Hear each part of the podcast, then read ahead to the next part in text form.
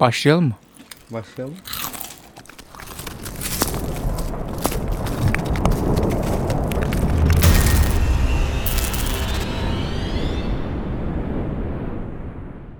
Merhaba abi ne haber? İyi senden ne haber Tacım? Ben de iyi valla ne yapayım? Ne yapıyoruz biz şu an? Ne yapıyoruz? Arkadaşlar İstanbul'da Çengelköy semtinde sakin ve mütevazi bir evin içerisinde Yeditepe Üniversitesi Sinema Kulübü'nün e, ilk podcast yayınını yapmak için sınıf arkadaşım Berkay ile buluşmuş durumdayım. Evet. Bana bakıyor şu anda. Şu an birbirimizin gözlerinin içine bakarak konuşuyoruz. Hani bulunduğumuz şekli hayal bile edemezsiniz. Aa, bunu Bu arada yayınlayabileceğiz mi? yayınlarız bir şey olmaz. Öyle e, seslerimiz aslında bu kadar karizmatik değil Ha, değil, normalde. değil. Mikrofonlarımız çok iyi.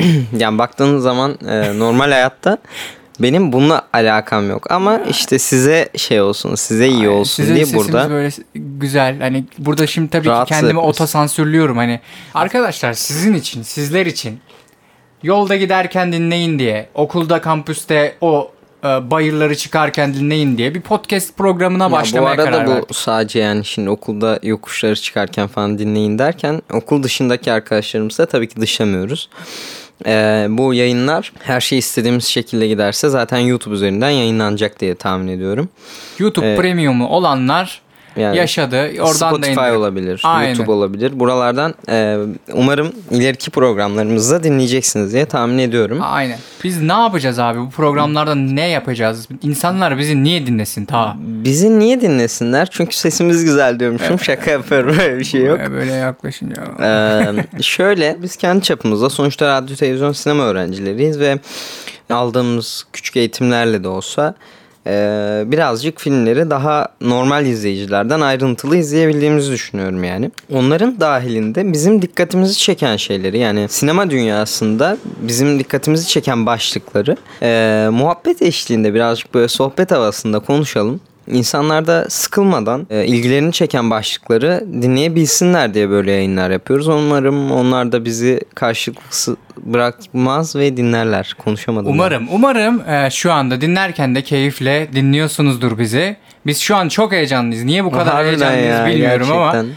şu Bir an sanki heyecan- karşımda 100 şey söyleyeceğim. kişi falan. Gerçekten heyecanlı mısın peki? Gerçekten çok heyecanlıyım. Bende çok heyecan yok ama şey yani böyle hani birilerinin dinleyeceği düşüncesiyle konuşunca bir de karşımızda kimse yok. Biraz şizoik bir durummuş gibi Evet, hissediyorum evet. anladın mı? Böyle O şu biraz- anda olduğumdan farklı gibi konuşuyorum falan Evet böyle evet yani hani beni haline girdim. dinleyecekler ama dinleyecek kişileri asla bilmediğim için kim olduklarını. Ve ne şartlarda Evet dinleyecekler. evet kesinlikle o yüzden biraz böyle hani boşluğa karşıdaki duvara bakarak konuşmak birazcık şey yapıyor. Yani şöyle dediğim gibi Garip boşluğa karşı konuşmayabilirsin. Gözlerimin Evet içine evet, bakıp. evet. Sana sana bakıyorum şu an. Yeditepe Üniversitesi Sinema Kulübü'ndeniz. evet. Yeditepe Üniversitesi öğrencileriyiz. Abi adını soyadını tam olarak söyler misin insanlar seni tanıyabilsin diye? Adım Berkay Onurer. Ee, Soyadım Makkaya. Ee, okulda böyle kısa boylu, tombul birini görürseniz o benim. Arkadaşlar ben de kendimi tanıtayım. Herhalde zaten artık seslerden kimin kim olduğunu ufak ufak ayırsınız diye tahmin ediyorum. Benim adım da Taha Enes, soyadım Karcıoğlu. İkimiz de 3. sınıf öğrencisiyiz Yeditepe Üniversitesi'nde. Sinema kulübünde takılıyoruz genelde diyeyim.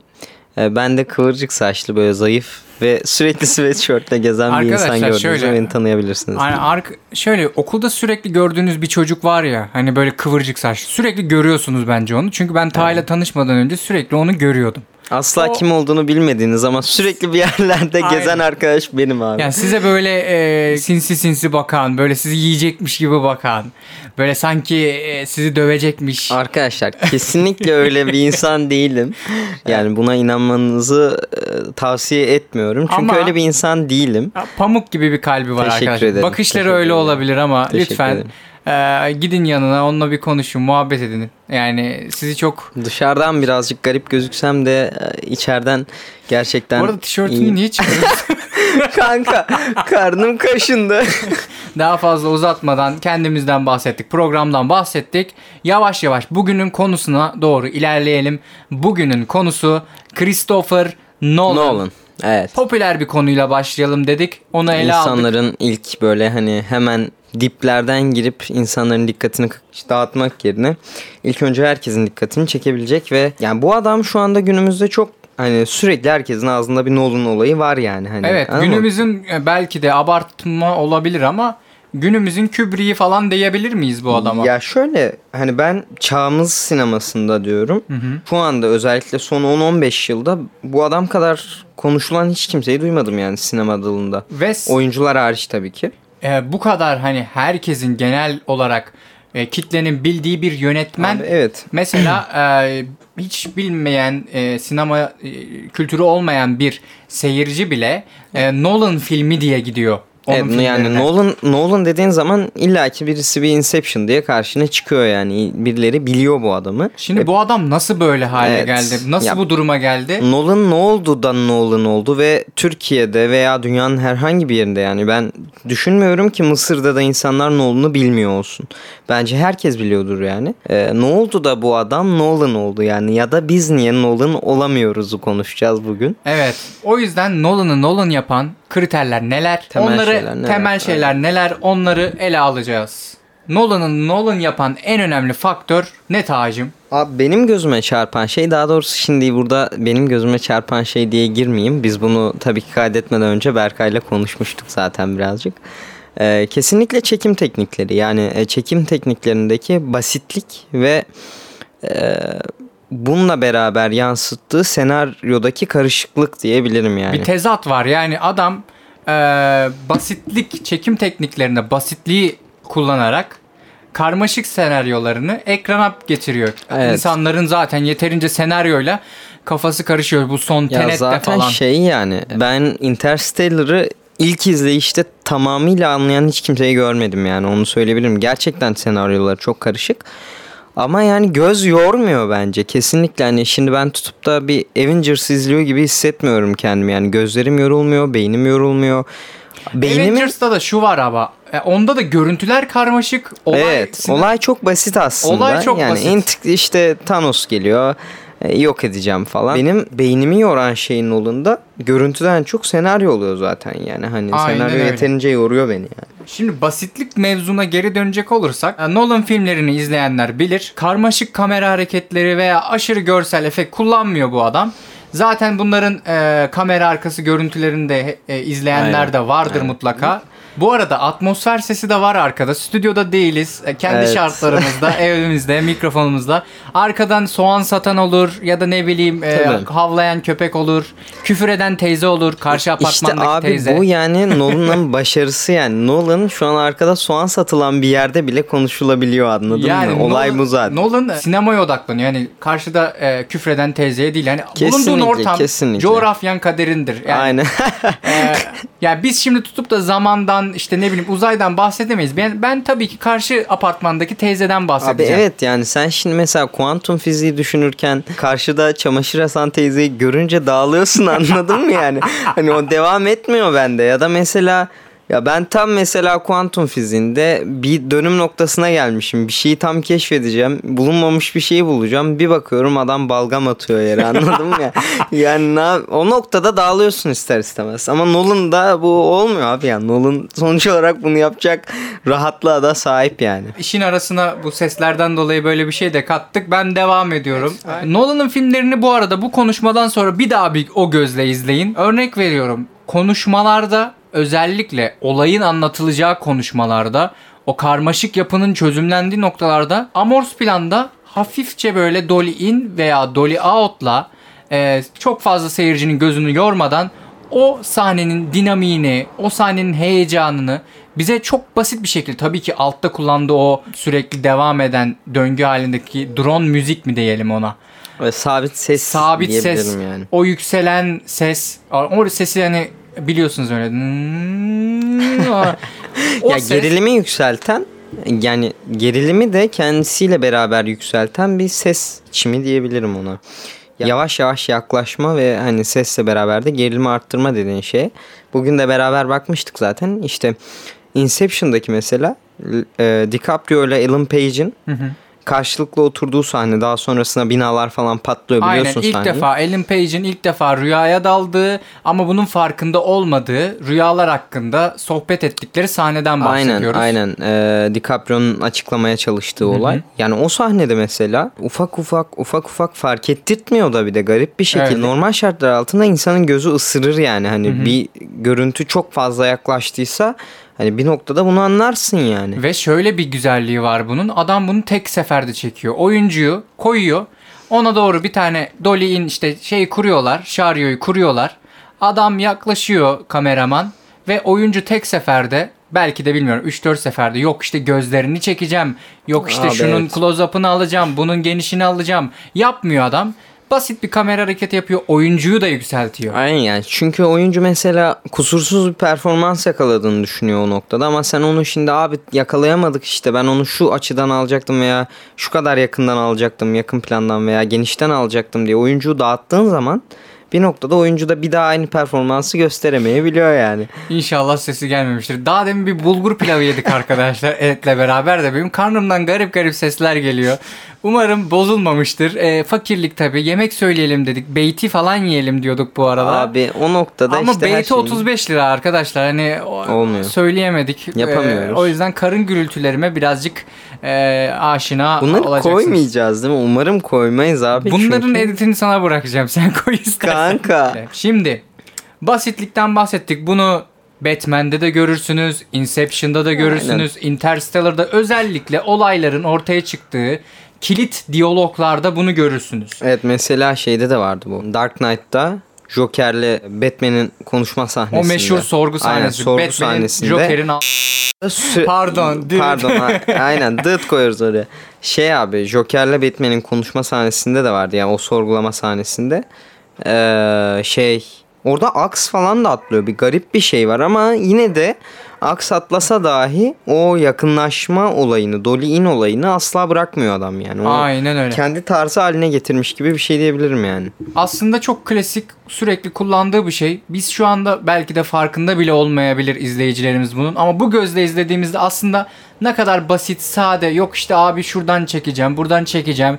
Bizim eee, kendi kısa filmlerimizde deneyimlediğimiz olayı yapmıyor. Aynen, Bu yüzden de kesinlikle. Nolan, Nolan. İkincisine geçelim. İkinciye geçerken yani Tabii. o, o konuyla bağlayarak söyleyeceğim. Şimdi hani basitlik şey derken bunu sadece kamera hareketlerinde de yapmıyor adam yani basitlik ve sadeliği görsel efekt konusunda da benimsemiş bir insan yani. Bu da bizim ikinci maddemiz zaten. Aynen. Bilgisayar görsel efektlerini olabildiğince az kullanması. Tabii ki yani kullan yani kullanıyor olabildiği kadar az kullanıyor.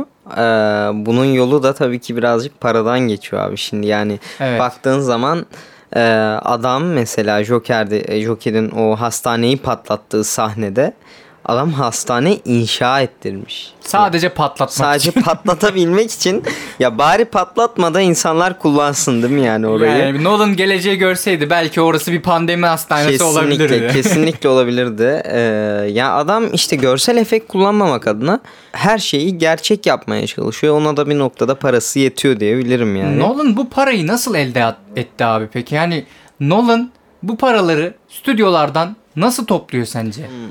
Ya şöyle düşün mesela.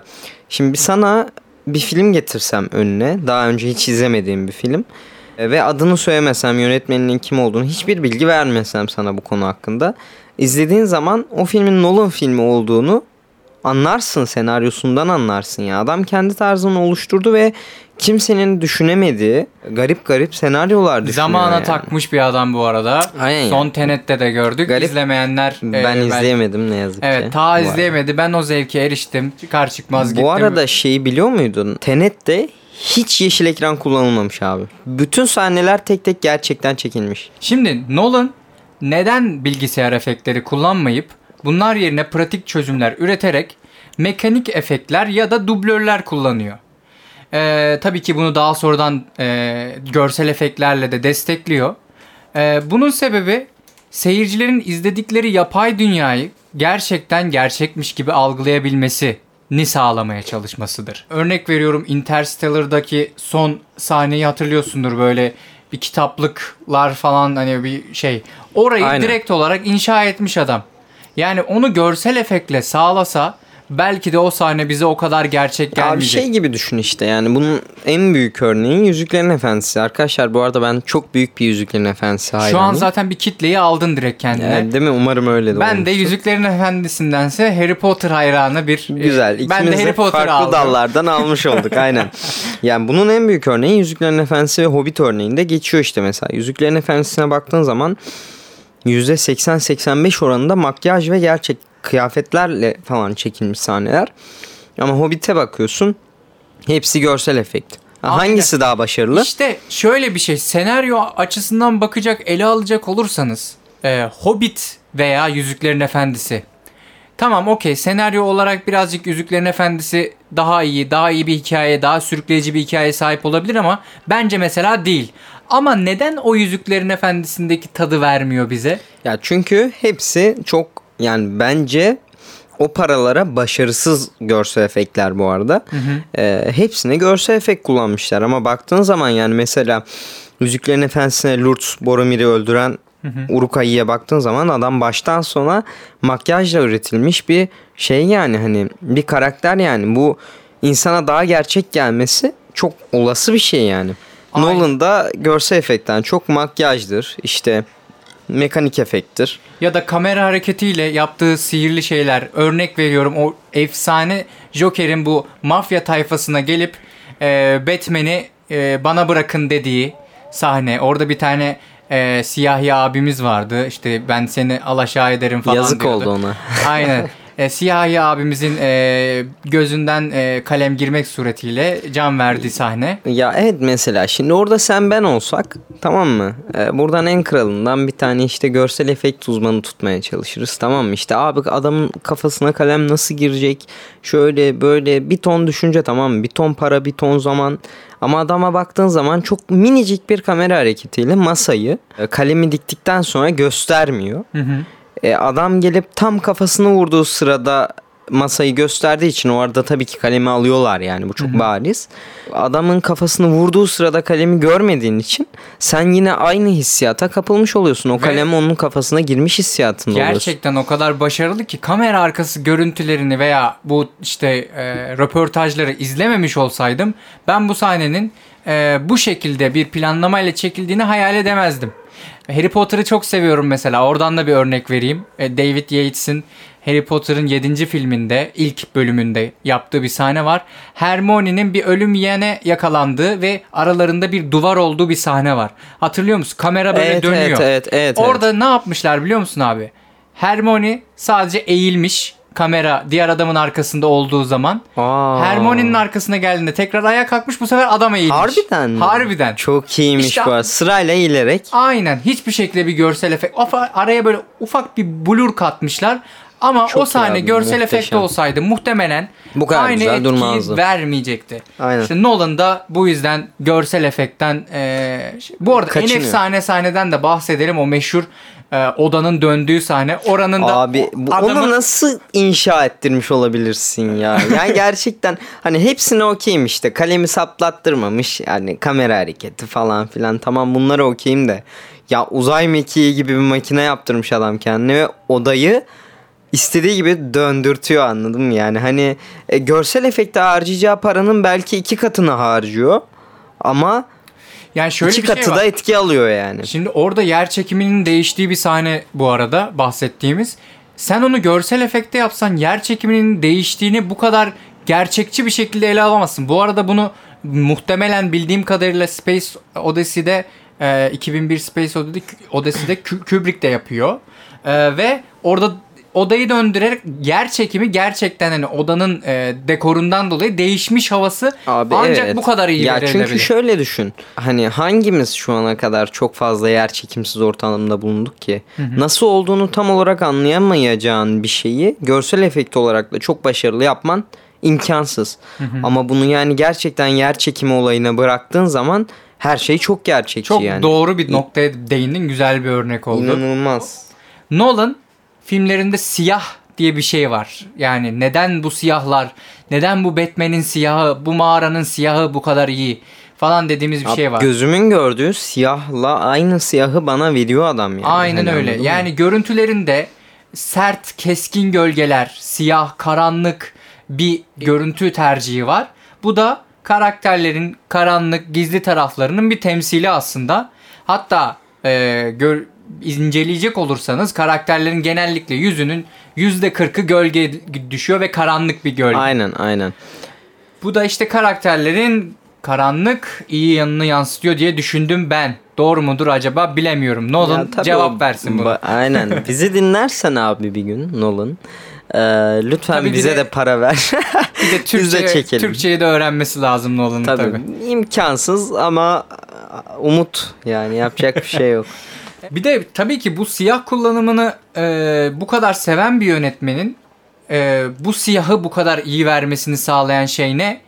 E, filmli kameraya tercih etmesi. Evet, Yıl dijital olmuş. dijital kamerayla e, o siyahı yani o kadar siyah seven bir insanı tatmin etmen imkansız yani. Çünkü e, bunun teknik bir şey cevabı var aslında. E, filmli kamerayı yıl olmuş 2020 Tenet'te de dahil IMAX işte 65 mm bir sensörü olan bir kamerayla e, çekiyor. Film işte bu ekipman üreten şirketler sadece Nolan'ın projeleri için kamera üretiyor abi. İşte Abi para. evet adam Para. para. Hep aynı noktaya geliyoruz ne yazık ki. Ya bu parayı doğru kullanım gibi geliyor bana anladın mı? Şimdi adam mesela e, az önce dediğim gibi parayı işte mesela efekte yatırmıyor. Gidiyor hani bir mekanizma ürettiriyor kendisine ve orada kullanıyor. E, burada da aynı mantıkla mesela e, binlerce dolar ödeyeceği dijital kameralardan ziyade bir tık daha fazla para harcıyor belki ve kendine özel filmli kameralar e, ürettirip daha fazla siyah el- elde edebilmek için Ve sadece siyahlardan da değil, filmli kameranın verdiği color e, range'i, color science diyeyim. e, çok çok daha farklı ve hani Nolan filmlerinde böyle bu dünyadan olmayan değilmişçesine renkler. güzel bir e, şeyi var ya. Ya abi Joker'in ya. takım elbisesi işte yani. Belki çok e, ileride, belki şu anda üretilmiş bir kamera bunu yakalıyordur. Belki Nolan keşfetmedi ama sonuç olarak çıkan sonuç bize iyi geliyor mu? Bizi etkiliyor mu? E, Etkiliyor. Kesinlikle. Gelenekçi bir insan birazcık yani. Gelenek... Birazcık teknik bir konudan da bahsedeyim mi? Şimdi Tabii bu ki. siyahları niye bu Nolan'ın filmli kameraları bu kadar iyi veriyor? Çok basit açıklayacağım. Ee, şimdi siz bir e, telefonunuzla karanlık bir ortamda selfie çektiniz diyelim. Ekran e, büyük ihtimalle böyle piksel piksel e, gran dediğimiz şeyler oluşacak.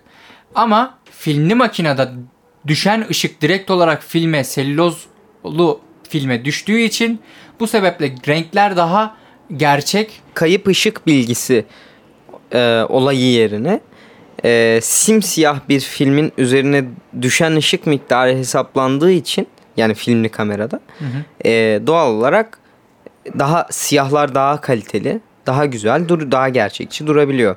İşte mesela bunun en şey örneği aynı karakterler aslına baktığın zaman e, bir Nolan'ın Batman'ine bak. E bir de Batman Superman'deki siyahlara bak. Zack Snyder'ın e, Evet şeyine yani. bak. E, ne yapıyorlar bunlar da aynı siyaha verebilmek için? Nolan cidden ortamda e, o ışığı kuruyor ve filmde gördüğünüz şeyden daha aydınlık bir ortamda değil, daha az ışıklı bir ortamda değil. Filmde gördüğünüz e, şeyde çekiyor. Ama mesela Zack Snyder'ın şeyinde aynı siyah verebilmen mümkün değil. İn- yani imkansız. Daha aydınlık bir ortamda çekip daha sonra color'da onu şey yapman gerekiyor. Bence Siyaha düşürmen gerekiyor. inanılmaz başarısızdı yani. Bu da ne anlama geliyor? Senin o Nolan'ın filmlerindeki siyahları ki Batman dediğin zaman direkt siyah akla Yani gelir. Tabii ki. Ee, bunları yakalayamamana sebep oluyor. Kara Şövalye abi. Bu arada şeyi konuşacaktık. Mesela e, dedik ya işte Nolan'ın başarısı e, neden böyle yüksek ya da neden böyle hani bir çizgi yakalayabildi falan. Biraz girdik aslında oraya da. Bu bunları şey yaptık işte mesela sebeplerini tek tek konuştuk. Bir de abi mesela şöyle bir şey var. Nolan şey dedirtmiyor insana. Ben sadece bir filminde bunu söyledim. Ee, hani bir, bu filmi çok iyiydi de işte şu filmi birazcık zırt hani kötüymüş dedirten bir filmi olmuyor genel olarak. Yani adam hep bir kalite çizgisinde Burada hemen muhalif seslerin sesini ee, duyayım. Abi Dunkirk kötüydü, abi E, Tenet evet, kötüydü evet. falan. Bundan bahsetmiyoruz arkadaşlar. Ya Olay adam bu hep değil. bir ortalamanın üzerinde iş çıkarıyor yani. Hani ben mesela E, dediğim gibi yani çok büyük bir Yüzüklerin Efendisi hayranıyım. Ama mesela Peter Jackson'a baktığınız zaman e, bir Yüzüklerin Efendisi çekti. Diyorsun ki çok iyisin abi hani muhteşemsin. Ama ondan sonra geçen senelerde bu kadar teknoloji gelişmişken bir Ölümcül Makineler diye bir film çıkarıyor ve tamamen hayal kırıklığı. Ama mesela Nolan'a baktığın zaman abi ilk filminden son filmine kadar adam bir çizgi yakaladı ve o çizginin hep üzerinde veya o çizgide hareket etmeyi başardı yani. Seyir zevki olarak bütün filmleri sana bir e, seyir zevkini veriyor ve sana gerçekten e, seni heyecan e, noktasında e, sürekli aynı yere yaklaştırıyor. Evet, yani sen mesela şey diyebilir misin herhangi bir filmi için? Abi bu filmi de ne kadar kötüydü. Nolan'ın da hiç alakası yok diyebileceğin bir filmi var mı senin için yani? Benim için yok. Ben Ya Nolan. Nolan'ı çok sevdiğim için zaten birazcık da e, bu bu konuda biraz şey olamayacağım, objektif olamayacağım belki de. Ya yok abi Ama yok yani çok adam o çizgiyi en- çok iyi yakalamış. en kötü yorumlarının yapıldığı Tenet'i bile gidin izleyin. Ondan sonra bir de açıklamalarını okuyun tabii ki çünkü anlaması biraz zor bir film. O olaydan sonra diyeceksiniz ki vay be. Hayır işte son filmde artık başarı sarhoşluğuna bulaştı. Bize hiçbir şey anlatmıyor. Önceden çok anlatıyor diye eleştirdik. Şimdi hiçbir şey anlatmıyor diye eleştiriyoruz. Yani adam ne yapsın? Kurban oldukları. ya evet bu şey gibi. Yani yazı sevmiyorum. Kışı sevmiyorum. Baharda çok yağmurlu. Ya bu bunun bir ortası olmalı yani. Hani adamın her şeyi çok fazla anlatıyordu. O yüzden hani kafamızı karıştırıyordu. İyi değil. E, bu sefer de hiçbir şey anlatmadın gibi. Adam demek ki bu noktada da birazcık seyircilerin tepkisine kulak vermiş yani. vermiş aynen seyircisini dinliyor. Ee, bu arada kesinlikle kusursuz bir film olduğunu söylemiyorum ama eleştirilerin dozunun çok fazla gereksiz büyüdüğünü düşünüyorum Tamam şahsımca. peki. Şimdi e, başka bir başlık açacağım buraya. Hani mesela diyorsun ya eleştirilerin birazcık abartıldığını düşünüyorum diye. Peki Nolan'ın abartıldığını düşünüyor musun abi? Yani tamam Nolan çok başarılı ama hani birazcık olduğundan daha mı büyük gösteriliyor sence yoksa gerçekten yok abi adam hak ettiği şeyi görüyor mu diyorsun? Açıkça söylemek gerekirse abartıldığını düşünüyorum. Ama bu da bir PR çalışması bana göre. Nolan filmlerine Nolan filmi diye gitmemizin sebebi bu kadar abartılması zaten. Adam belki de bu kadar abartılmamış olsa son filmi bu kadar eleştirilmeyecekti belki de. Bu e, ben abartıldığını düşünüyorum ama kesinlikle övülmesi gerektiğini de düşünüyorum. Bu övgüleri yaparken biraz dozunu uçurmadan, Bir abartmadan. tık bir tık abartılıyor diyorsun yani. Şöyle söyleyeyim. Nolan 100 ise e, 300 gibi gösteriliyor. E, ama Nolan 100 yani. Hani Evet kesinlikle yani. Ee, Yani o konuya yüz- ben de katılıyorum. Yani- Nolan 100 üzerinden 100 üzerinden 100 demiyorum. 90 diyelim biz. 90 sa Ay. 100 150 falan gösteriliyordur yani onu söyleyeyim. ama bu da 90'ın çok iyi olmadığı anlamına gelmiyor. Kesinlikle. Birazcık tepki alabilirim ama ben bunu Tarantino için de düşünüyorum. Kesinlikle. Ee, yani Tarantino da bunun altında eziliyor bence. e, ya evet abi adam mesela Şimdi şey diyeceksiniz. Tarantino abi neyin altında eziliyor? Adam yazar şey yapar. Ama hepimiz nihayetinde bir insan değil miyiz? ya evet yani, insanların ben senden Tarantino beklentisinden Tarantino'nun da kesinlikle çok abartıl yani biz neyiz ki burada eleştiriyoruz e, so- şeyleri de gelecek belki tepkileri. E, yani biz burada eleştirirken abi çok kötüler şöyleler böyleler değil. Çok iyiler, muhteşemler, kendi tarzları var. E, ama hani adamları da yoruyordur bir noktada diye tahmin ediyorum yani bu Şu kadar da var şey ki olmak. e, başarılı yönetmenlerin kariyerinde gördüğümüz şey hani bir top noktasından sonra hani bir inişe geçiyorlar. Bunun sebebi de bence kesinlikle e, bu seyirci baskısı. Daha iyisini yapacak, daha şey yapacak. Nolan'da da bu düşüş yavaş yavaş Ya her işin Oldu. bir öncekiyle kıyaslanmak zorunda değil ki. Değil, Sonuçta ayrı bu bir şey sinema olarak. yani. E, o da tabii ki dediğin gibi adamlar birazcık e, yaptıkları işlerin altında kalmaya başlıyorlar bu sefer. insanların tepkilerinden ötürü yani. Mesela şimdi tamam e, para diyoruz, para diyoruz çok zengin falan. E, bu adam abi ilk filmini 6000 dolara çekmiş. Tamam yani hasılatı e, 48 bin. E, bütçesi de 6000 dolar olan bir film bu. E, peki bu adam nasıl oldu da bu kadar paraya çıkmayı başarabildi? İçerik mi yönetmeni e, başarılı kılıyor? Senaryo mu? Yoksa e, yönetmenlik mi? Şimdi Nolan'a baktığımız zaman ikisi de var. İçerik desen var, yönetmenlik desen var. İçerik ne zaman ön plana çıktı? Paran olmadığı zaman. Neden? Az parayla iyi içerikli bir film Kaliteli çektin. Evet. E, yönetmenlik ne zaman çıktı? Eline para verildi, eline ekip verildi, eline büyük bir güç verildi. O zaman ne yaptın? Yine başarılı oldun. O yüzden 6000 bin dolara çektiği film 48 bin dolar hasılat yaptı. Sonra Memento geldi, oradan para geldi, daha da yükseldi. İşte Batman çekti falan filan. Hani Ya bir de yani her filminde birazcık daha bütçeyi arttırıyor ve kendi şirketini kurdu parasını doğru kullanıyor yani 6000 dolarla başladı E, şu an yatırdığı paraları düşündüğü zaman tek başına çok devasa paralar. bu arada şeyi soracağım yanlış anlamazsan. Nolan'ın karısını gördün mü abi? Abi bu şimdi oldu mu ama ya? Nolan'ın eşini ben gördüm. görmedim. o kadar zeki bir kadın ki, o kadar iyi bir yapımcı ki. Ay, Ee, evet yapımcısı değil mi? aynen Emma öyle. Thomas. Aynen. Bütün filmlerinin e, aynı zamanda yapımcısı. Bence Nolan'ı Nolan yapan faktörlerden biri de olayın içinde olmamama rağmen tahminimce e, kesinlikle o. E, yavaş yavaş artık e, da sohbetimizin, yaklaşıldı, sohbetimizin sonuna yaklaşıyoruz.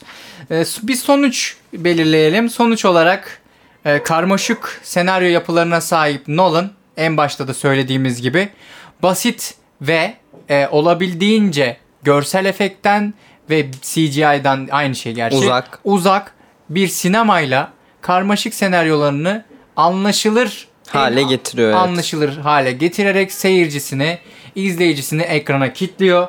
Nolan'ı bizce Nolan yapan şey bu. Çok teşekkür ederiz bizi dinlediğiniz için arkadaşlar. İlk programımızın heyecanlı da olsak da sonuna gelebildik. Garantisini veriyorum. Her hafta birbirinden daha ilgi çekici konularla karşınızda olmaya çalışacağız.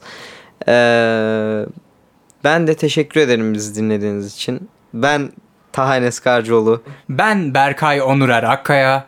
Bugün ilk programımızın sonuna geliyoruz ve sizlere sağlıklı ve hastalıktan uzak güzel günler diliyoruz. Kendinize dikkat edin. Bir dahaki yayında görüşmek üzere. Esen kalın efendim.